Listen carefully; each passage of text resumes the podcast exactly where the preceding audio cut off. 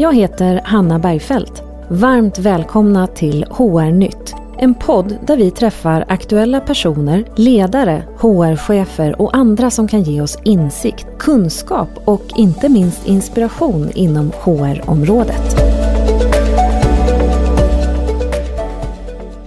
Stefan Söderfjell är författare, organisationskonsult och har doktorerat i psykologi. Han eh, har mångårig erfarenhet inom områdena ledarskap, teamarbete och motivation. Idag är han främst verksam som organisationskonsult via webbportalerna leadforward.se samt teampro.se. Där arbetar han med forskning och utveckling inom organisation, grupp och ledarskap. Varmt välkommen Stefan! Tack så jättemycket! Vad kul att ha dig här! Men vad roligt att få vara här. Ja, men det här har jag sett fram emot. Jag är ju certifierad på dina verktyg ska mm. du veta. Och har jobbat med dem och tycker att det är fantastiskt eh, bra. Och eh, kan ju också se att det finns ett stort behov av det. Men eh, ledarskap, Stefan, du är ju expert på området. Men vad är det som gör att ledarskap kan vara så svårt ibland? Ehm, jag tror att eh, en anledning kanske bottnar i det faktum att vi många gånger använder begreppet ledarskap utan att på riktigt bottna i vad vi menar med begreppet ledarskap. Och det är klart om vi är oklara över vad ledarskap är så blir det ju per definition svårt att utöva det. Mm. Eh, så det skulle jag nog säga är en första utgångspunkt om man vill eh, ta sig an och utveckla sitt ledarskap. Att verkligen bottna i vad menar vi med ledarskap. Och i grund och botten så handlar ju ledarskap om påverkan där en eller flera individer påverkar en eller flera andra individer i en given riktning, en önskvärd riktning för den, den givna verksamheten. Och det medför ju såklart en rad olika utmaningar och problem som kan vara svåra. Det kan vara svårt att nå fram till andra människor, det kan vara svårt och jobbigt att ta tag i den eh, individ som inte gör det den ska. Det kan vara jobbigt när det rivs upp känslor och någon blir arg. Det kan vara svårt att vara tydlig. Det kan vara svårt att vara entusiasmerande. Eh, och så vidare. Så att eh, i det här med att påverka och nå fram till andra människor och, och de facto faktiskt påverka deras beteende så möter man en rad olika utmaningar som jag tror de som brottas med ledarskap tycker är, är utmanande. Ja, men det, det, tror jag också. Ibland har jag tänkt att det är så otroligt många olika förväntningar på hur man ska vara som ledare eller chef. Och det kan ju vara både förväntningar från, från sig själv eller de man leder eller också organisationen eller ledningen för organisationen. Eh, men du, hur tar man sig till en välfungerande ledningsgrupp och vad kännetecknas den av?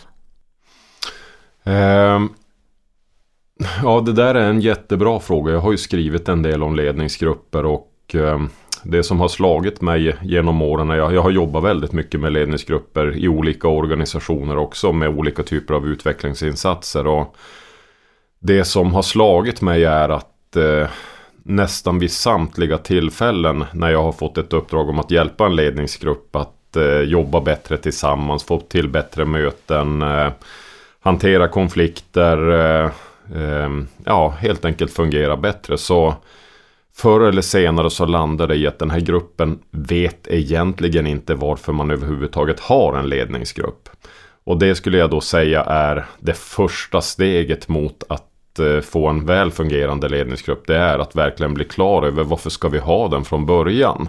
Och det blir lite grann en omvänd logik där man tar in en konsult utifrån för att eh, hjälpa gruppen att motivera sitt existensberättigande. Rimligen borde man egentligen ha klart för sig vad är det för uppdrag vi har här att lösa och eh, utifrån det komma fram till att eh, det bästa sättet att lösa det här uppdraget, om det då är att fatta organisationsövergripande beslut, ta ett övergripande ansvar, Eh, det eh, förvaltas allra bäst av en, en konstellation individer som vi tilldelar namnet ledningsgrupp. Men man gör ofta det om, omvända. Man börjar med att vi ska ha en ledningsgrupp. Och så har man ett antal möten som man lägger x antal timmars tid på. Och så kommer man fram till att vi får inte ut det vi vill ha på de här mötena. Och så tar man in en konsult och så landar det i att ja, men vi måste kanske börja med att backa bandet och se varför vi ska ha den här ledningsgruppen. Mm. Ja, men så klokt och jag tänker att Eh, jag tror aldrig jag har varit i en ledningsgrupp där vi har haft den diskussionen, vad är vårt uppdrag egentligen? Utan alldeles för vanligt har det varit att man eh, är ledare för en, en viss avdelning och så sitter man i ledningsgruppen och avrapporterar snarare från avdelningen in i ledningsgruppen. Och det, det blir ju inte alltid kanske målet eller det absolut bästa med ledningsgruppens funktion tänker jag. Nej, det, och jag tänker eh, att rapportera då till vdn eller eh, regionchefen eller vem som nu är chef för ledningsgruppen. Det kräver ju inte hela gruppens närvaro utan det skulle man ju mycket väl kunna göra i ett annat forum. Och det är väl en nyckel då till att få en ledningsgrupp eller vilken grupp som helst för den delen att fungera väl. Det är ju att identifiera vilka arbetsuppgifter och frågor kräver hela gruppens samlade ansträngningar. Och att se till att ledningsgruppens möten i huvudsak ägnas åt sådana frågor och arbetsuppgifter som faktiskt kräver hela eller åtminstone större delen av gruppens gemensamma ansträngningar. Och frågor där det räcker att två eller bara några få individer från gruppen faktiskt avsätter tid och löser ut de frågorna. De får man försöka flytta ut i ett annat forum. Mm. Det, eh, men det där kräver ju då eh, också att man eh, har gjort läxan som vi börjar med. Att man förstår varför vi har ledningsgruppen. För det är klart att om man säger att uppdraget är att vara ett avrapporteringsorgan. Eh, då är det klart att det är befogat att man har avrapportering. Men det är fortfarande frågan om det kräver att alla gör det samtidigt i samma rum. Mm. Men det, kan ju vara, det kan ju vara en poäng med det också, tänka informationsdelning kanske fyller ett syfte. Men, men det kan ju vara bra klarlagt det i så fall om det är det som är... Ja, om, om informationen är av allmän intresse så kan det naturligtvis vara det. Och om det är så att det som händer på en avdelning eh, eh, och de beslut som behöver fattas där behöver synkroniseras med andra avdelningar eller om det skapas någon form av eh, riktningsbeslut eller policybeslut eh, eh, som ska gälla i hela organisationen, då är det viktigt. Men jag skulle nog vilja påstå utifrån att ha observerat ganska många ledningsgrupper att en stor del av mötestiden går ut på att avrapportera vad som har hänt eh, i verksamheten utan att det har någon sån här jättestor koppling till de övriga individerna i gruppen. Man kan ju se det på att de eh, ofta inte kanske fullt ut är fokuserade på att ta in det som förmedlas. Så frågar man dem så ser man ju i studier på ledningsgrupper att eh, väldigt många individer i ledningsgrupper upplever att stora delar av ledningsgruppsmötena är oproduktivt eller bortkastat. Eh, och det är nog en, en anledning just att man sitter och väntar på sin tur. Det blir sådana här rundor där mm. en person i taget får avrapportera till chefen. Ja, det låter inte särskilt vettigt med dessa stressade chefer tänker jag som sitter då och väntar på sin tur. Men, men du har ju varit inne i många olika organisationer. Är det här det vanligaste misstaget eller problemet som ledningsgrupper har? Finns det andra delar som man som ledningsgrupp missar, eh, förutom att klargöra syftet med sin existens? Ehm, ja, det finns, eh, det, det, kanske är det vanligaste. Ehm, men relaterat till det så skulle jag säga att utöver att ha en övergripande syn på varför vi finns så saknar man också oftast eh, någon idé om hur vet vi om vi har gjort ett bra jobb. Eh, och det är en sån här fråga som jag har ställt till massor av eh, ledningsgrupper. Vad, vad, får ni för information? Vad inhämtar ni för information som säger er att just ni som grupp, inte er organisation som ni leder, utan just ni som grupp har gjort ett bra jobb. Så det är också en sån här vanlig miss att man inte riktigt eh, tar sig tid att fundera på vad är det för indikatorer som säger oss att vi faktiskt gör ett bra jobb som ledningsgrupp. Så det, det, är också ett vanligt misstag. Och ett tredje misstag det är ju det här att man sitter och ägnar tid åt sånt som inte kräver att man samarbetar egentligen.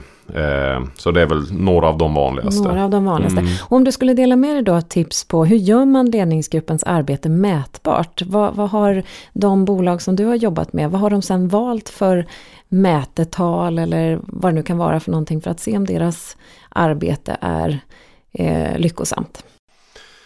Ja, alltså det är klart att eh, som ledningsgrupp så vill du såklart eh, någorlunda regelbundet eh, lyfta på ledningsgruppens mm, agenda eh, mätetal som avser hela organisationen. Du vill ju såklart se ekonomiska eh, nyckeltal och hur de förändras över tid. Du vill se hur personalomsättning, hur man ligger till med rekryteringar, sjukfrånvaro och så vidare. Så att det är klart att det är ju en typ av informationskälla som som en ledningsgrupp behöver ha koll på. Hur ser det ut i organisationen som helhet? Men sen det interna arbetet i gruppen, hur väl vi samarbetar på våra möten, hur vi fattar beslut, vilket klimat vi frågar. Det kan man ju fånga upp genom exempelvis eh, reflektioner vid slutet av eh, mötet. Hur har vi samarbetat? Har vi hållit oss till agendan och dagordningen? Eh, hur har vi fattat beslut? Eh, eh, finns det saker vi skulle kunna utveckla och förändra och förbättra? Och det är väl en sån här ganska vanlig eh, indikator eh, som eh, grupper som jag har jobbat med har börjat att försöka samla in den här typen av eh, utvärderingar av mötet man har haft. Där utvärderingen inte är till för att betygsätta mötet utan mer för att få uppslag på hur ska vi utveckla och förbättra våra möten hela tiden, ett litet steg i taget. Så det är, eh, och ytterligare ett är eh, när vi ska informera saker i vår organisation. Om vi har fattat ett beslut eller det är någonting annat som ska ut i organisationen. Så eh, kan man ju till exempel fånga upp och se hur snabbt går det innan alla medarbetare i vår organisation verkligen har koll på den här informationen som vi tycker att de ska ha koll på. Man kan till exempel göra slumpvisa kontroller och fråga medarbetare vad har vi informerat om förra veckan. Eh, man kan också ställa frågor om eh, eh, hur väl de förstår det vi har informerat om och vilket engagemang de känner till det. Och sen sätta mål utifrån det. Att när vi går ut med den här informationen då ska var och en i våran organisation kunna berätta om den informationen en vecka senare. Det, det skulle kunna vara en sån här mätbar indikator som vissa börjar jobba utifrån. Mm. Jättebra. Och ganska kvalitativt det här med att reflektera efter mötet. Det tänker jag, det gör man alldeles för sällan. Man, man kör ofta på, eller man, jag har erfarenhet av att man kör på ganska mycket. Och lite för sällan tar sig tiden som det krävs att reflektera kring vårt samarbete till exempel. Mm, det, och du är ju inte ensam där. Eh, jag kan också skriva under på det när jag har suttit i olika konstellationer. Det är så lätt att prioritera bort den typen av retrospektiva analyser där man tittar på vad som har blivit gjort. Det känns oftast mer produktivt att eh, blicka framåt och, och, ta sig an det som ligger framför en. Och vi ser eh, drygt, eh, drygt 60% av de eh, ledningsgrupper som vi kartlägger med vårat eh, teamdiagnostiseringskoncept eh, Team Pro Eh, drygt 60% svarar nekande på frågor som just det här eh, reflekterar vi kring hur väl vi har samarbetat med varandra och hur, hur väl vi har presterat. Mm. Så det finns ju ett eh, uppenbart utrymme och av de som gör det så kan man säga att där finns det oftast en ganska stor utvecklingspotential avseende hur kvalitativt och bra man gör den här typen av reflektion. Mm, ja, men jag förstår. Och om man då sitter i en ledningsgrupp, eller sitter, man sitter väl kanske inte i en ledningsgrupp, man arbetar i en ledningsgrupp. Eh, och den inte fungerar särskilt bra. Vi har en dysfunktionell ledningsgrupp. Eh, förutom att klargöra syftet med vår ledningsgrupp och vårt uppdrag, eh, kanske göra någon retrospekt för att se att vi eh, gör rätt saker, att vi får till ett bra samarbete. Vad är det mer som ska till för att fixa en dysfunktionell ledningsgrupp? Vad finns det för parametrar som måste vara på plats? Ja, jag tror att eh, en sak, en utgångspunkt som är bra att ha det är att Eh, fixa gruppen innan den behöver fixas. Eh, jag fick eh, för många år sedan en klokskap levererad av en väldigt senior organisationskonsult i Storbritannien som på, efter två dagars utbildning fick frågan varför har du inte nämnt någonting om konflikthantering? Och då började hon skratta och sa men jag trodde inte att det var intressant. Och vi satt då ett gäng på 20 konsulter ungefär och hade tagit del av all hennes klokskap i två dagar. Och tyckte att ja men konflikthantering är ju ett av de vanligaste uppdragen vi får. Det är klart att det är intressant. Ja, nej, men jag tänker det är ju så himla enkelt sa hon. Ja, hur menar du? Ja, jag tackar bara nej till uppdragen. och, eh, eh, och då fick vi en, eh, fick vi en eh, igång en dialog kring det här att problemet är många gånger när det har landat så pass illa så att du behöver extern hjälp för att hantera en uppkommen konflikt. Då har det många gånger gått så pass långt så att det kan vara ganska svårt och det är bättre att försöka hjälpa gruppen att sätta en struktur för sitt samarbete i fredstid. Eh, innan du har hamnat i en konflikt. För då kommer du att minska risken för en konflikt. Och det vi redan har varit inne på, det här med att klargöra eh, uppdrag, mål, ha en struktur för reflektion. Eh, men också att kanske prata om spelregler. Vad gör vi alltid när vi träffas och samarbetar? Så vad gör vi aldrig under några som helst omständigheter i vårt samarbete? Klargöra ansvarsområden. Vem ansvarar för de här frågorna? Och om den personen inte är närvarande eller behöver gå ifrån, vem är det då som kliver in och tar det här ansvaret? Så att jobba med konflikthantering handlar ju, och samarbetsproblematik görs oftast bäst innan man har fått samarbetsproblem. Genom att hjälpa gruppen att få en struktur för sitt samarbete som inte är så avhängigt individuella eh, individers eh, personliga eh, särdrag och, och beteendemönster. Men sen om det är klart, hamnar man då i en konflikt, det är ju inte så att det är kört. Det, man, det beror lite grann på vad konflikten har för natur. Handlar den om uppgiften och vilka mål vi ska jobba mot och hur vi ska ta oss an vår verksamhet och våra mål, då är det oftast lite enklare att hantera. Har den glidit över och börjat komma till uttryck i form av personligt ogillande, att man helt enkelt stör sig på varandra och inte tycker om varandra. Då är det ju betydligt svårare för då har det oftast hunnit bli någon form av kränkthet och, och uh, upprivna känslor som kan vara ganska svåra att, att komma till rätta med. Just det. Men om man nu har någon som lyssnar här och har identifierat att de eh, deltar i en ledningsgrupp där det faktiskt finns någon typ av ogillande. Vad är din rekommendation att, att göra? Jag skulle nog säga att Eh, man kan ju kanske behöva vädra, vädra ut det här. Eh, försöka komma överens om spelregler för hur man ska vädra ut det här. Eh, så att man eh, även där sätter spelregler för om du och jag inte är överens med varandra eller rent av ogillar varandra. Hur kan vi vädra ut det och, och liksom lägga det på bordet och sen förhoppningsvis lägga det till handlingarna. Och sen, eh, jag brukar jobba väldigt lösningsorienterat när jag har jobbat med grupper. Jag, jag, ska säga det att jag jobbar inte så aktivt som konsult själv längre. Eh, men under de år som jag har gjort det så har jag försökt jobba väldigt lösningsorienterat och få eh, grupper eller individer att presentera för mig hur skulle det se ut om de problem som vi sitter med idag får en lösning. Hur kommer vi bemöta varandra då? Vad kommer vi säga till varandra då? Hur kommer våra möten se ut då? Eh, hur kommer vi ta oss an våra arbetsuppgifter, fördela ansvar och så vidare. Och så låta dem lägga ganska mycket fokus på att beskriva hur ser vi framför oss att det kommer att se ut om problemet får en lösning. Eh, och klarar de av att sätta ord på det, vilket de allt som oftast gör, då kan man börja prata om vad gör ni redan idag som faktiskt eh, är som den här lösningen som ni presenterar.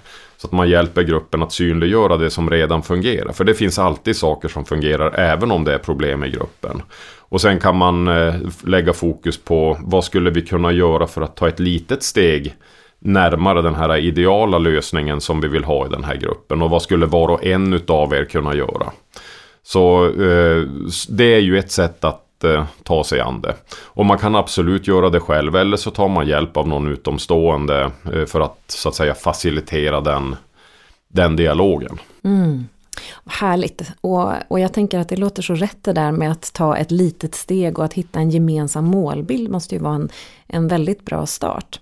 Eh, en ledningsgrupp som jag har eh, jobbat i, då la vår VD ganska mycket tid och kraft vid att vi skulle lära känna varandra. Vi hade ganska mycket tid och konferenser då vi liksom gnuggades ihop. Och jag vet att till en början då var jag lite ovan vid det där och tänkte att men herregud, vi måste ju inte bli varandras bästa kompisar. Eh, men efter ett tag så märkte jag vilken otrolig styrka det blev. För vi blev inte varandras bästa kompisar, men genom att lära känna varandra så byggde man också upp en, en förståelse och eh, respekt för varandra när man kommer lite innanför skinnet på en annan toppledare. Sådär. Det tyckte jag var väldigt, väldigt hjälpsamt. Eh, men jag vet inte, jag tycker att jag har hört andra skolor som säger att nej, men jobb är jobb och, och det här med att komma in under skinnet på varandra, det, det behöver man inte göra för att vara fungerande som ledare eller ledningsgrupp. Har du några åsikter eller tankar om det? Ja, jag tycker de där andra skolorna, de, de, de, kan få göra det de gör och tycka vad de tycker. Jag håller till 100% med dig i det där.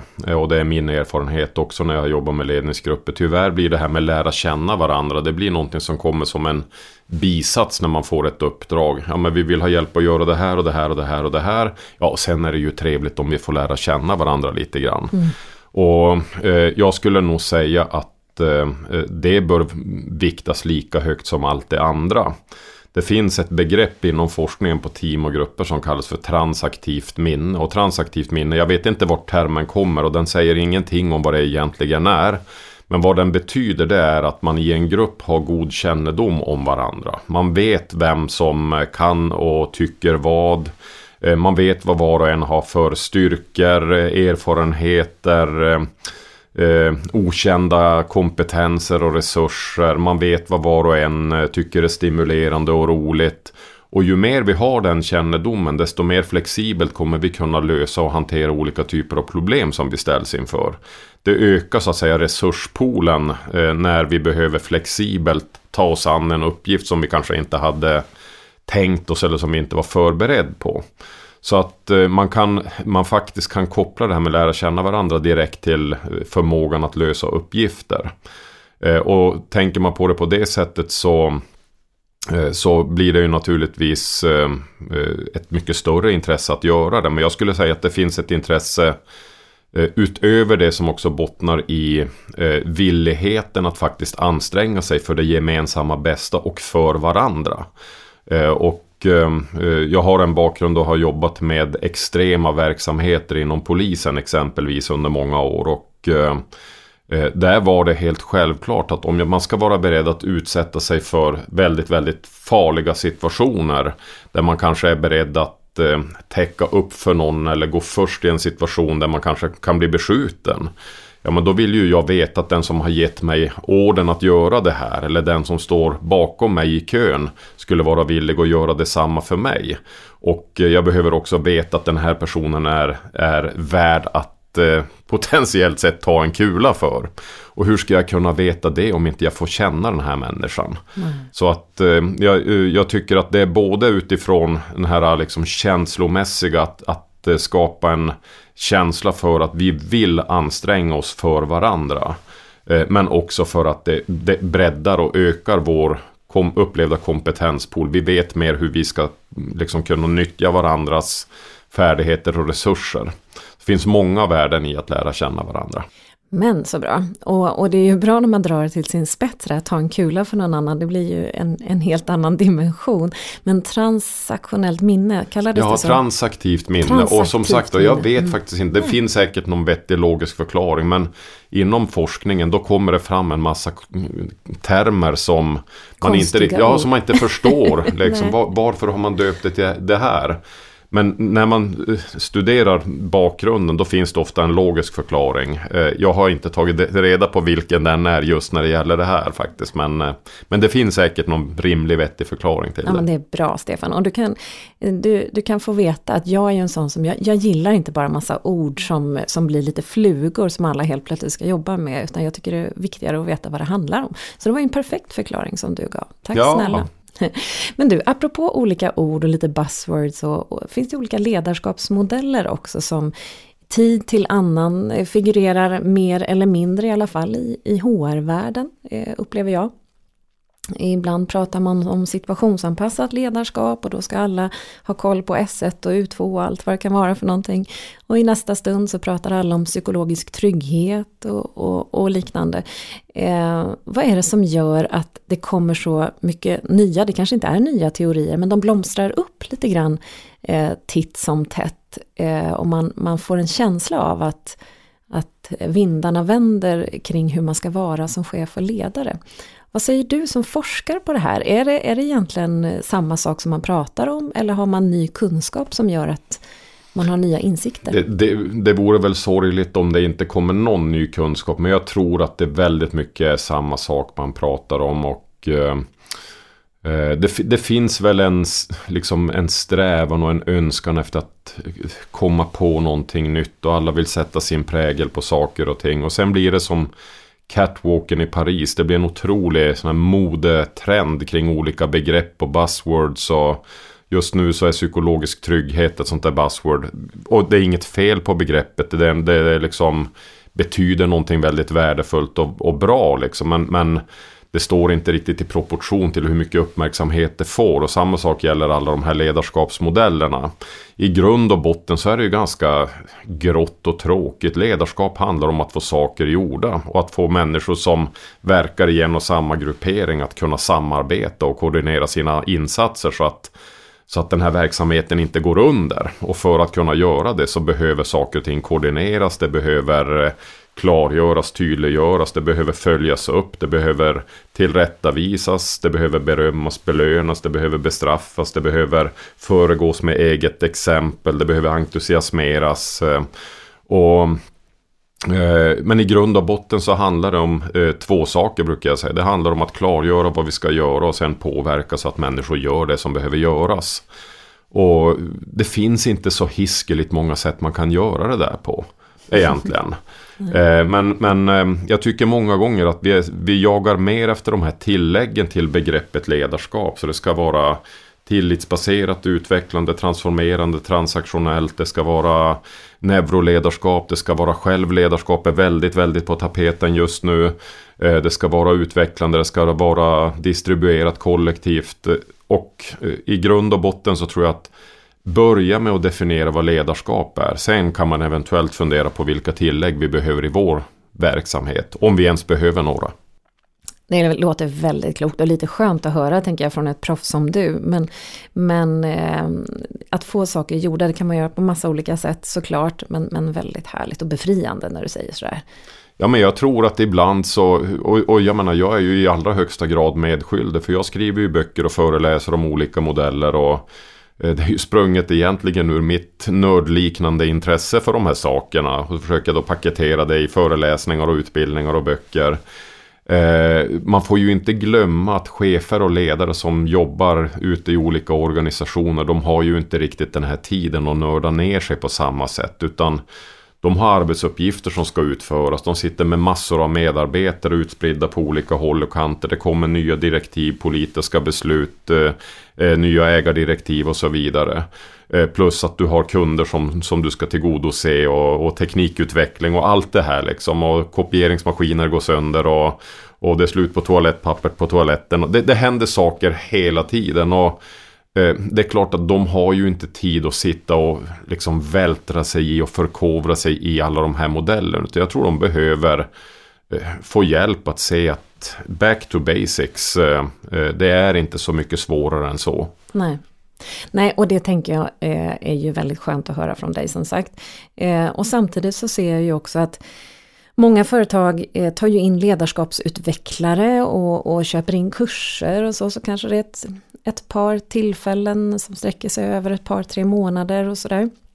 Vad tänker du kring, kring den typen av insatser? Får det någon effekt överhuvudtaget egentligen på ledarskapet, eh, tror du? Eller vad? Jag tror det. Mm. Eh, och eh, det, det, kanske är ett gigantiskt självrättfärdigande eftersom jag själv har hållit en massa sådana där genom åren. Men, det, men jag tror det med, mer med utgångspunkt i den, eh, den samlade forskningen faktiskt som visar att det har en effekt.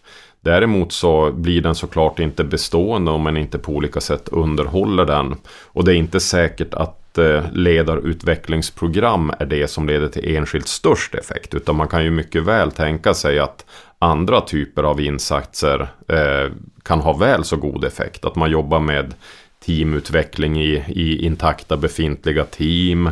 Att man har eh, olika, eh, individuell coaching av individuella chefer.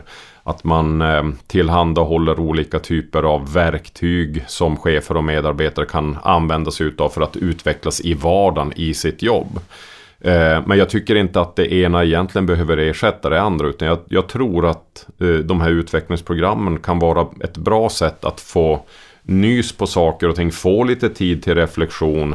Men, men att de behöver kompletteras med mer verksamhetsnära eh, insatser för att det ska bli en bestående effekt. Och det kanske man glömmer ibland. Man tror att programmet ska göra jobbet eh, och att det ska bli bestående över tid. Det tror inte jag. Men Nej. det blir säkerligen en effekt under tiden som det pågår och en tid därefter. Mm.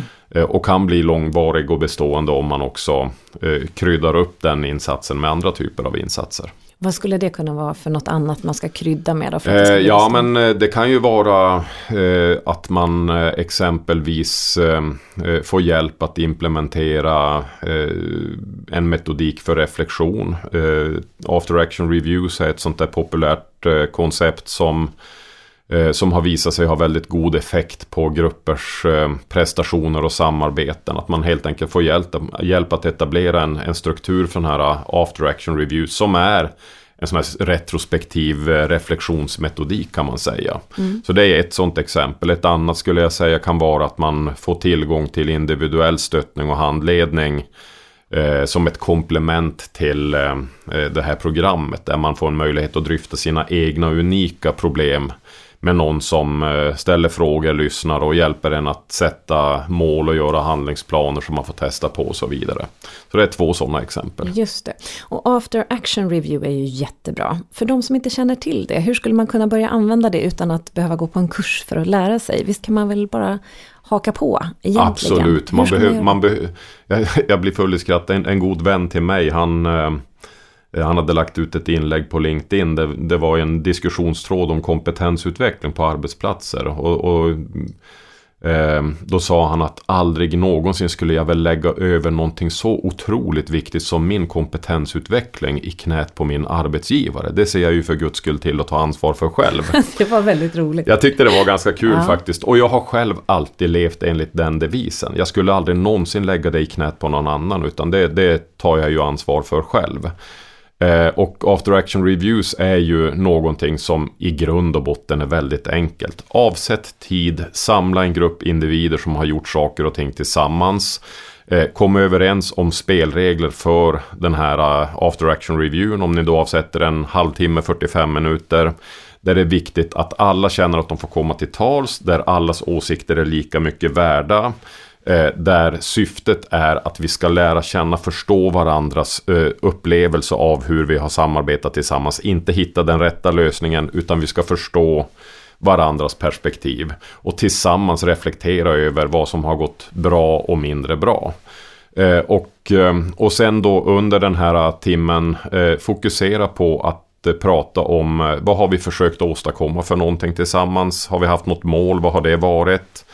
Eh, undersök om alla är överens om vad ni har jobbat för, mot för mål. Eh, skriv med fördel ner innan. Låt var och en skriva ner. Liksom. Vad tycker jag har varit målet med det här veckan eller mötet eller arbetsdagen. Eh, undersök eh, i vilken utsträckning ni har uppnått det här målet. Hur långt ni har kommit mot det här målet. Och om ni är överens i det avseendet. Det kanske är någon som tycker att ja, jag tycker vi har nått eller rent av överträffat det här målet. Och någon annan tycker att nej, men jag tycker inte ens vi är halvvägs. Ja, men vad spännande. Istället för att se det som ett problem. Vad spännande att vi har olika uppfattning. Kan det bli till ett problem och hur kan vi förebygga det i sådana fall? Och sen utforska tillsammans vad som har fungerat bra och mindre bra som har bidragit mot måluppfyllelse och vad som har försvårat för måluppfyllelse. Och eh, försök hitta en eller ett fåtal små konkreta åtgärder som man kan försöka förbättra efter den här after action reviewn. Mm. Och det har kommit två stora forskningssammanställningar på after action reviews som visar på effekter. Den ena visar på snitteffekter på 20-25% eh, i teamprestationer eh, när man börjar jobba med after action review. Och den andra visade på, den, den senare visade på eh, snitteffekter på 30-40 Det är alltså Ökad alltså ganska... effektivitet? Ja, det, man, wow. har, man eh, har lyft in eh, ett flertal studier och konstaterat att man hade underskattat effektstorlekarna i den här första metastudien. Sen är det självklart så att det här är ju väldigt avhängigt vad det är för typ av grupp. Om du tar ett elitidrottslag exempelvis, det finns inga 40% att, att förbättra för att man ligger så pass högt nära taket redan. Men, men i väldigt många ordinära arbetsgrupper och ledningsgrupper så finns det ganska stor utvecklingspotential. Så om man säger att det över tid kanske landar i att vi eh, kan vidmakthålla en utveckling på 4-5% över tid. Eh, så är ju det fullt tillräckligt. Liksom. Det, är ju, det viktiga är ju att få in det här kontinuerliga. Att vi jobbar med att utvecklas över tid. Mm. Fantastiskt och jag, jag har ju provat det enligt eh, din metodik några gånger med Team Pro. Mm. Då gör man ju det i, i den metodiken och eh, det har ju blivit fantastiskt roligt. De grupper som jag har jobbat med, då har det faktiskt blivit lite skratt också vid de där mm. after action review. Därför att de helt plötsligt ser på sig själva i gruppen med andra ögon. De stannar till och faktiskt eh, får tillfälle att dela med sig av hur de upplevde uppgiften eller situationen och eh, både skratt men också absolut lite konfliktytor har det ju skapat att man haft helt olika bild av, ja. av en uppgift. Eh, och det går ganska snabbt när man ger en grupp en uppgift eh, tills de liksom har gjort olika tolkningar av uppgiften. Mm. Men det är, det är så fascinerande att någonting som egentligen borde vara så självklart att vi avsätter lite tid till att prata om hur vårt samarbete har fungerat. Mm. Att det är så ovanligt. Jag skulle faktiskt säga att jag tror man kan lyfta det här till privata relationer också. Det går så fort man börjar ta varandra för givet och så glömmer man bort att var och en av oss fortsätter ju att utvecklas i någon form av riktning. Och vi lär oss nya saker och vi mognar mentalt och vi kanske värderar om lite olika saker. Och så sitter vi där tio år senare och tror att vi är samma individer och så har vi glömt bort att prata om vilka olika utvecklingsresor har vi gjort. ja. Eh, och jag tror att eh, det kan ju vara en anledning till att grupper då eh, hamnar i konflikter eller upplöses i förtid och att privata relationer slutar i separationer och skilsmässor. Att vi inte tillsammans försöker löpande utvecklas och liksom vara lyhörda och nyfikna på varandras sätt att se på, på hur vi samarbetar och hur vi relaterar till varandra. Mer after action review även privat tänker jag innan man blir sådär vansinnigt irriterad för då är det inget bra tillfälle. Nej, då har det, då har det övergått från sakfråga till relationsfråga. Det, det, blir, det är ingen bra förutsättning i privata relationer om man har börjat ogilla varandra. Ja, Mattias, om du lyssnar nu så, så kommer vi ha en after action review här nu inom kort. Nej, men det, det var ett väldigt bra tips, eh, tänker jag Stefan. Jag sitter med, med flera frågor, det finns så, så mycket som jag vill veta från, från dig då. Eh, men, men en sak som kanske bara helt eh, inte följer eh, tråden här nu, eller det gör det väl på sätt och vis. Det jag sitter och tänker på det är Eh, apropå de här olika ledarskapsmodellerna som vi pratade om, eh, så kan man ju prata om psykologisk trygghet, men man eh, som ledare får man ofta till sig att man ska vara väldigt lyhörd för medarbetare. Man ska, liksom, man ska ge ganska mycket och man ska vara väldigt mottaglig för feedback. Och man ska skapa det här klimatet där alla eh, kan vara sitt bästa jag, vilket är fantastiskt. Eh, I alla fall jag upplever att ibland så eh, hamnar en del ledare i en ambitionskarusell eh, när de samtidigt har ett uppdrag som är ganska hårt. Mm. Eh, jag vet inte vad jag ska ge för exempel, men i en omorganisation så, så kan uppdraget vara ganska hårt som chef och ledare. Och så samtidigt är man fostrad i en ledarskapsmodell som är väldigt mjuk och inlyssnande och omtänksam, om jag uttrycker mig så. Mm. Där kan jag ibland tycka att det finns en del eh, inte konflikter, för att det behöver inte vara konflikt, men jag kan se att det blir en del konflikter hos de ledare som jag har mött mm. när de ska försöka ta sig an de här uppdragen. När de då är fostrade. Att det blir inre konflikter en hos dem. En inre mm. konflikt eller att man inte blir tillräckligt tydlig. Alternativt att man själv mår dåligt som ledare. Mm. Jag har också sett exempel när det slår över och så är man plötsligt jätte jättetydlig, vilket blir mm. ganska hårt. Eh, därför man, man, tar man liksom står och samlar kraft lite grann ja, och sen jädra går man på med full kraft. Då går man på mm. med full kraft istället. Eh, och jag vet inte vad min fråga var riktigt till, till dig. Jag tappade bort mig själv här Stefan, vilket blir lite intressant i sig. Men, men vad tänker du kring de här ledarna som, som eh, kanske är sökande i alla dessa ledarmodeller. Och du sa ju själv att det finns en uppsjö och du kan ju nörda ner dig i det. Men hur ska man resonera om man sitter där och, och känner sig lite vilse? Eh, ja men först och främst så tror jag ju att man, man ska ju försöka vara lite snäll med sig själv. Och, och de, dels tror jag man ska eh, inse att eh, jag har förvisso ett ansvar och en stor betydelse som ledare. Eh, att eh, hjälpa mina medarbetare att få förståelse för vad de ska göra. Att entusiasmera, motivera, hjälpa dem att hantera konflikter, hjälpa dem att eh, ja, men få förutsättningar för att må, och trivas och fungera bra på sina jobb. Men de har också ett ansvar. Varje enskild medarbetare har också ett ansvar för att hjälpa mig att utöva ett gott ledarskap. Och där kan jag ibland uppleva att vi har lagt lite för mycket fokus bara på chefens ansvar att uppvisa ett gott ledarskap. Det är jätteviktigt men det är väldigt, väldigt viktigt hos varje medarbetare att också faktiskt ta ett ansvar för att uppvisa ett gott medarbetarskap. Ehm, så, så den tycker jag är viktig att poängtera och jag skulle nog vilja påstå att eh, kvaliteten i en chefs uppvisade ledarskap är säkerligen lika mycket avhängigt kvaliteten i medarbetarnas medarbetarskap som det omvända.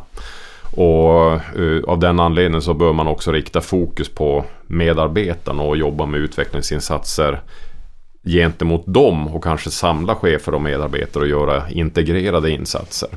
Men, men uh, om man då stannar kvar vid ledaren så tror jag ju att Eh, att få en förståelse för att eh, eh, ledarskap är det är lite komplext så tillvida att ett och samma beteendemönster kommer kanske inte fungera i alla situationer gentemot alla individer. Utan jag behöver lära känna vilka jag har framför mig.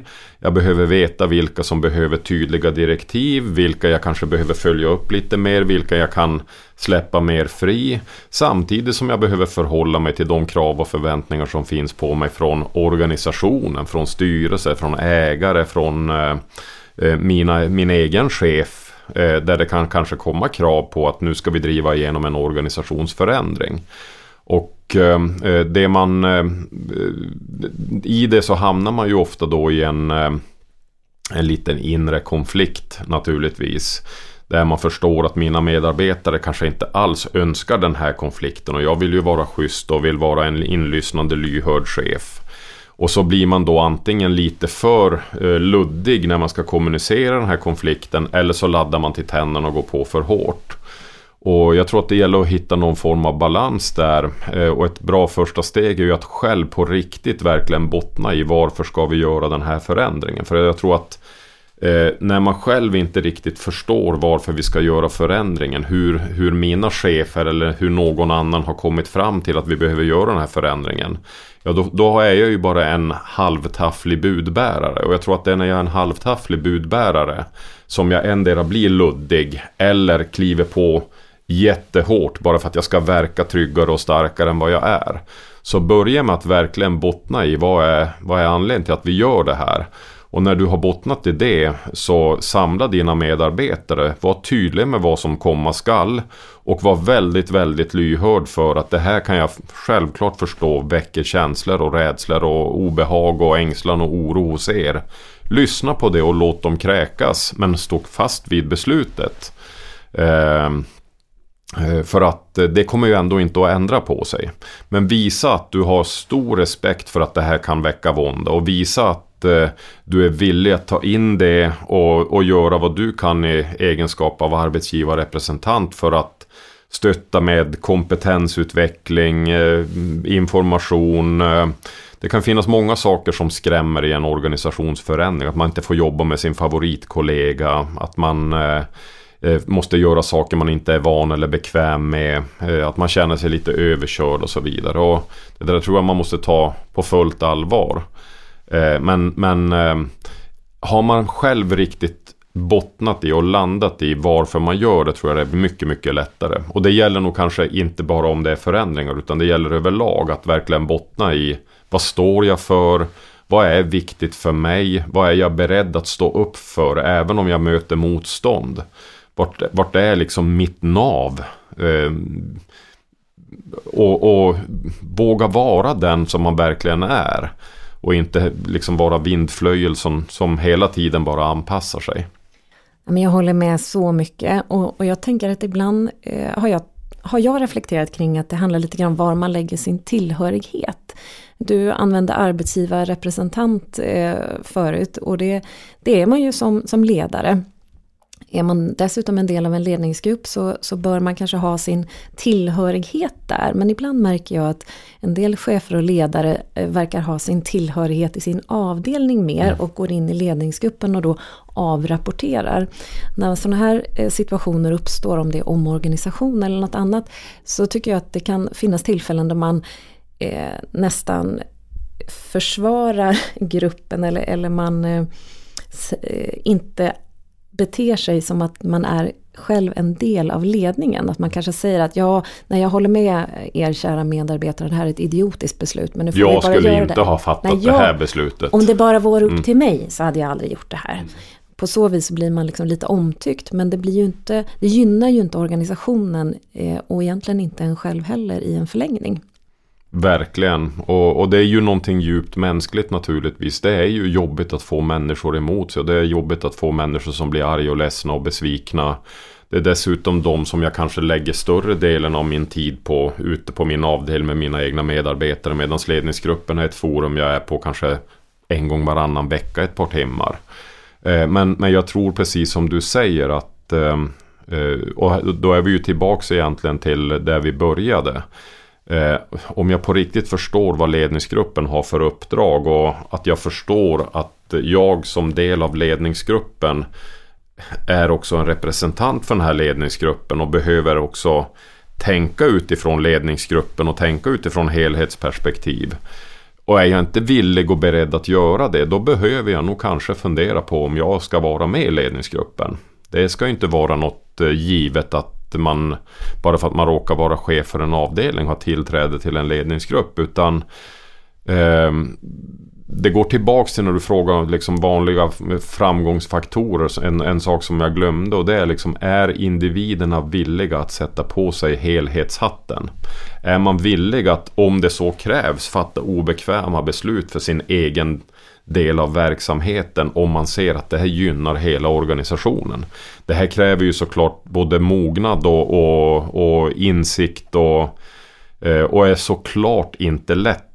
Eh, jag, jag, skulle, jag har full förståelse för eh, alla de chefer som har svårt att ta det perspektivet. Men jag tror att man på ett logiskt plan kan förstå att om vi ska få ledningsgrupper som verkligen ska kunna leda organisationen på bästa sätt. Då kommer det underlätta om vi har ledningsgruppsmedlemmar som faktiskt förmår att se till organisationens bästa och inte bara till sitt eget bästa. Nej, helt avgörande Mm. tänker jag. Så om man sammanfattar lite grann så ledningsgruppen behöver ta reda på sitt syfte. Vad är, vad är syftet med oss som, som grupp? Och som ledare eller en del av ledningsgruppen så måste man fundera på om man är, är eh, villig och redo att ta på sig helhetsperspektivet och, och den hatten eller kavajen eller vad det nu kan vara för någonting man tar på sig när man går in i det. Eh, och sen så pratade vi en del om att det här med att, att kanske lära känna varandra för att någonstans eh, Eh, gilla varandra eller åtminstone respektera varandra gör det så mycket lättare för att bli effektiva som grupp. Och så pratade du en hel del om, om after action review och effektiviteten man kan uppnå genom, genom det. det är fantastiskt bra. Många bra tips nu Stefan. Det här eh, kommer vi behöva ta noteringar om så att vi inte glömmer, eller hur? Mm, eller hur? Men du, jag brukar ju gilla också att eh, dela med mig av misstag som jag gjort, eller framförallt att de jag, de jag intervjuar får dela med sig av misstag, det är ju ännu härligare. Men eh, jag tänker att misstag är en typ av lärande och du har varit ute i många olika organisationer, haft olika uppdrag och, och roller säkerligen. Vill du dela med dig av något misstag som du har gjort och, och framförallt vad du har lärt dig utav det? Mm. Jag, jag har ett återkommande misstag som jag har gjort vid några tillfällen som är eh, eh, egentligen ett och samma misstag tillämpat på, på många olika ställen. Och jag tror och jag hoppas att jag har lärt mig någonting utav det. Men jag kommer kanske göra om det fler gånger. Och det är misstaget att allt för snabbt hoppa på ett uppdrag och tacka ja till ett uppdrag i tron att den förfrågan man har fått är den förfrågan de egentligen har. Eh, och det man behöver göra när man är ute och oavsett om det är någonting så pass ytligt som att hålla en föreläsning eller att gå in och jobba med en ledningsgrupp eller coacha en chef. Det är att verkligen eh, vara noga med att ställa frågan Vad är det ni förväntar er att min närvaro och mina insatser ska leda fram till? Och ibland kan man få, eh, få uppdragsbeskrivningar som är någonting annat än vad man märker att de egentligen är när man är där. Och ett sådant exempel var eh, Eh, och då ska jag inte nämna vart det var för att inte röja eh, den här organisationen. Men jag fick en förfrågan om att hon komma och hålla en halvdags workshop om motivation för en grupp medarbetare. Och eh, det var en beställning från ledningen och syftet var då att ha en inspirationsdag om motivation. Jag har föreläst mycket om motivation och skrivit en del böcker om det. Och och eh, tänkte att ja men det låter ju jättetrevligt så att det är klart jag vill göra det. Kommer dit och möts av en otroligt fientligt eh, inställd grupp medarbetare. Som eh, sitter med armarna i kors och förväntar sig att ledningen har tagit in en konsult för att hjälpa till att sparka liv i medarbetarna. Och det kanske ledningen hade gjort lite grann under ytan. Eh, för när jag tänkte tillbaka så, så kanske det fanns lite den andemeningen. Men där gjorde jag då misstaget att allt för snabbt hoppa på det där. Jag skulle ha ställt frågan varför är motivation ett viktigt ämne för er? På vilket sätt Eh, känner ni att ni behöver kunskap om det? Är medarbetarna motiverade själva till att ta del av det? Har de sagt att de vill ha det här? Mm. Eh, och att, eh, att eh, faktiskt eh, lägga lite tid på att ta reda på varför, varför, gör jag, varför ska jag göra det här egentligen? Och hellre då tacka nej om det är så att du märker att det finns förväntningar på dig här som du inte kommer vilja eller kunna leva upp till. För den enda som blir eh, lidande i förlängningen, det är ju naturligtvis kunden som sådan. Men det blir också för min del lidande därför att de där uppdragen släpper inte sen utan de håller mig sömnlösa en lång tid därefter. Och jag kan många år efter att jag har gjort ett sånt här misstag, eh, bara jag tänker på det så kan det välla upp en sån här åh, varför gjorde jag sådär liksom? Ja, en skamsköljning. Ja, men en liten skam, skamsköljning. mm. och, och jag tror väl att de här skamsköljningarna, de är, det är någonting bra med dem också för att de, eh, de gör ändå en medveten om eh, vad kan jag göra annorlunda. Så jag vill inte vara utan dem, men de är ändå smärtsamma. Ja, Fy, jag, jag vrider på mig bara. Jag, liksom, jag, jag, kan ju med fantasin se vad som kan ha hänt när de sitter där med armarna i Jag lyckades i det här fallet faktiskt få dem välvilligt inställda. Ja, det kan jag tänka mig att du gjorde. Men, men hur men, gjorde du då? Jag, jag, eh, jag, jag sträckte upp mina handar och sa att ja, men jag vill bara börja med att säga att eh, jag är snäll. Det, det, är det första. Eh, jag är inte här för att tala om någonting för er hur ni ska göra. Eh, eller att ni är omotiverade. Jag är bara här för att prata om ett ämne som jag är extremt intresserad av. Och kanske får ni ut någonting av det som ni tycker, ja men det där var ju lite intressant. Och så kan vi ha ett samtal kring det. Eh, och om ni är villiga att ge mig den tiden så vill jag gärna dela den tiden med er. Så kanske vi kan ha några trevliga timmar tillsammans. Ungefär så. Avväpnande och bra och inte alls grund för skamsköljningar tänker jag Stefan. Det var väldigt fint. Nej, just, just det uppdraget mm. har jag faktiskt ingen skamsköljning av efteråt. För det föll väl ut. Men jag har några andra sådana där som jag inte lyckades rädda upp som, eh, som eh, är skamsköljningar. Okej, ja vi ska väl alla ha någon sån i alla fall tänker jag. Men du, du är ju aktuell i ett annat sammanhang också nu. Nu pratar du lite grann om hjälten inom dig. Berätta, vad handlar det om? Mm. Det låter ju nästan som att jag har eh, klivit in i den här eh, skaran av klämkäcka motivationsföreläsare som ska gå ut och basunera att allt är möjligt med tankens kraft och men det, det, är verkligen inte så. Det här eh, Hjälten inom dig är hämtat ur eh, en modell, en eh, psykologisk modell som kallas för psykologiskt kapital som brukar kallas för hero-modellen efter, eh, efter eh, det ord man får om man tar de inledande bokstäverna i vårt psykologiska kapital, då blir det hero. Hope, efficacy, resilience och optimism. Mm. Och därav hjälten. Men sen stämmer det ganska bra med vad det avser, för det är i någon mån en inneboende hjälte som vi på olika sätt kan locka fram till viss del. Och som kan hjälpa oss igenom svåra eh, prövningar och som kan hjälpa oss att må, fungera och prestera väl i olika sammanhang i livet. Så eh, då har jag skapat en, jag har skapat en hemsida som heter jalteninomdig.com som man gärna får titta på om man är intresserad av, mm. av att få veta lite mer om det här. Men, men i grund och botten så handlar det om psykologiskt kapital. Mm. Så intressant, det där ska jag genast eh, läsa på. Jag har redan läst, ska jag väl erkänna. Men det har jag faktiskt gjort. Jag tänkte direkt på en eh, 98-årig kvinna som bor i Uppsala och råkar vara min mormor. Hon är, hon är definitionen inte hur man har det utan hur man tar det. Och då tänkte jag på henne när jag läste om det här.